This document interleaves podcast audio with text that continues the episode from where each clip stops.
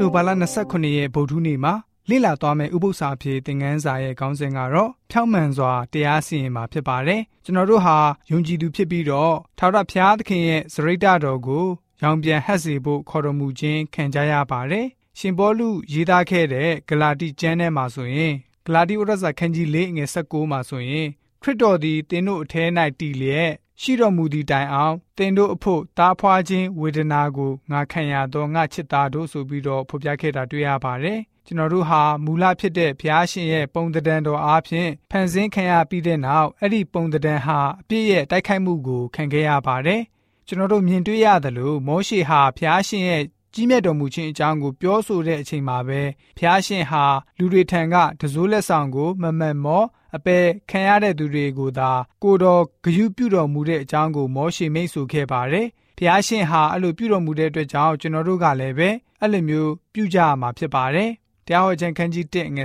16တရားဟောကြံခန်းကြီး16ငွေ19တရားဟောကြံခန်းကြီး24ငွေ18တရားဟောကြံခန်းကြီး29ငွေ19ကိုဖတ်ပါမယ်။အဲ့ဒီကျမ်းချက်တွေထဲမှာဆိုလို့ရှိရင်တူညီတဲ့အဓိကကြတဲ့အချက်ကဘာလဲဆိုတာကိုကြည့်ကြပါစို့ တရားသူကြီးတို့အားလည်းတင်းတို့ညီကိုဤအမှုတို့ကိုနားထောင်၍အမျိုးသားချင်းတရားတွေ့သည်ဖြစ်စေတပားအမျိုးသားနှင့်တွေ့သည်ဖြစ်စေတရားသဖြင့်စီရင်ကြလော့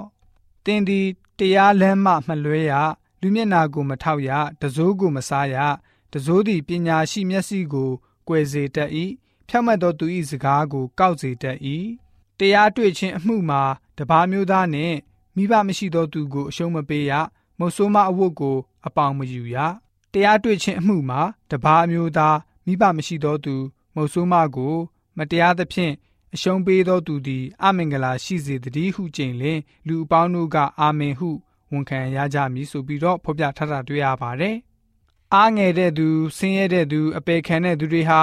တာဒူညီမျှတဲ့တရားမျှတခြင်းကိုမရကြပါဘူးငွေမျက်နာယာတုရကန်အာဏာနဲ့အဆက်အသွယ်တွေရဲ့ဖိနှိပ်ခြင်းကို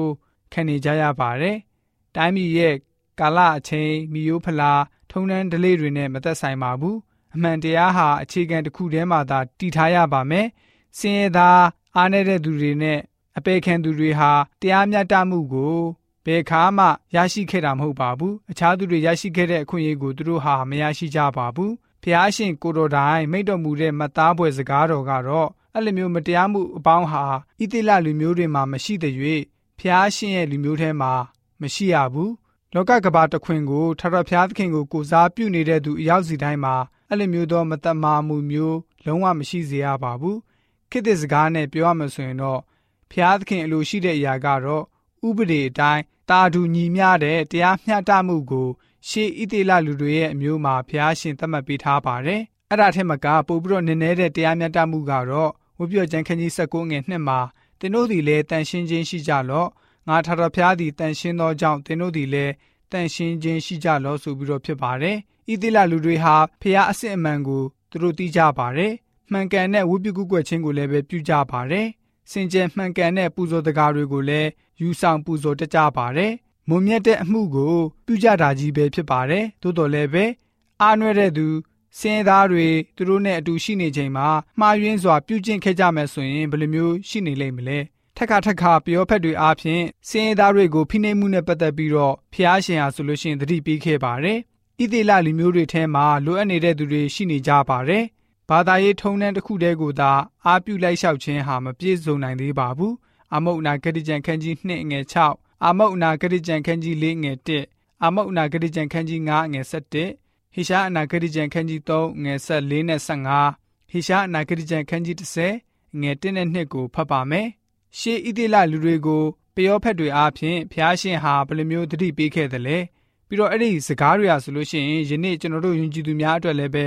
ဘယ်လိုမျိုးတက်ရောက်မှုတွေရှိနေသလဲဆိုတာကိုကြည့်ကြပါစို့။တပန်ထတော်ဖျားမိတ်တော်မူသည်ကားဣတိလအမျိုးသည်ဖြောင့်မတ်သောသူကိုငွေနှင့်၎င်းဆင်းရဲသောသူကိုခြင်နှင်းတရံနှင့်၎င်းရောင်းသောအပြစ်ဆင်းရဲသောသူတို့ကိုညှင်းဆဲလျက်ငတ်မွတ်သောသူတို့ကိုနှိပ်စက်လျက်မိမိသခင်တို့အား ငါတို့တောက်ဖို့ယူခဲ့ကြဟုဆိုတက်လျက်ရှမာရိတောင်ပေါ်မှနေသောဘာရှင်နွားတို့ဤစကားတော်ကိုနားထောင်ကြလော့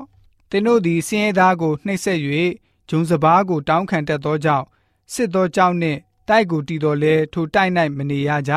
နှစ်သက်ပွေသောစပြည့်ဥယင်ကိုစိုက်တော်လဲစပြည့်ရည်ကိုမတောက်ရကြထာဝရဘုရားသည်မိမိလူတို့တွင် အသက်ကြီးသူတို့ကို၎င်း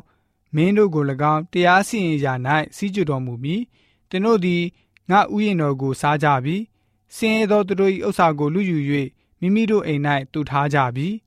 ငါ၏လူတို့ကိုအဘဲကြောင့်နှိမ့်ဆက်ကြသည်။စင်ရသားတို့၏မျက်နာကိုအဘဲကြောင့်ကြိတ်ကြသည်ဟုကောင်းကင်ဘုရားသခင်အရှင်ထာဝရဘုရားမိန့်တော်မူ၏။ငတ်မွတ်သောသူတို့ကိုတရားရှုံးစေခြင်းက၎င်းငါ၏လူမျိုးတွင်စင်ရသားတို့၏အခွင့်အရာကိုရုပ်သိမ်းခြင်းက၎င်းမုတ်ဆိုးမတို့ကိုညှင်းဆဲ၍မိဘမရှိသောသူတို့၏ဥစ္စာကိုလူယူခြင်းက၎င်း မတရားသဖြင့်ဆင်သောသူ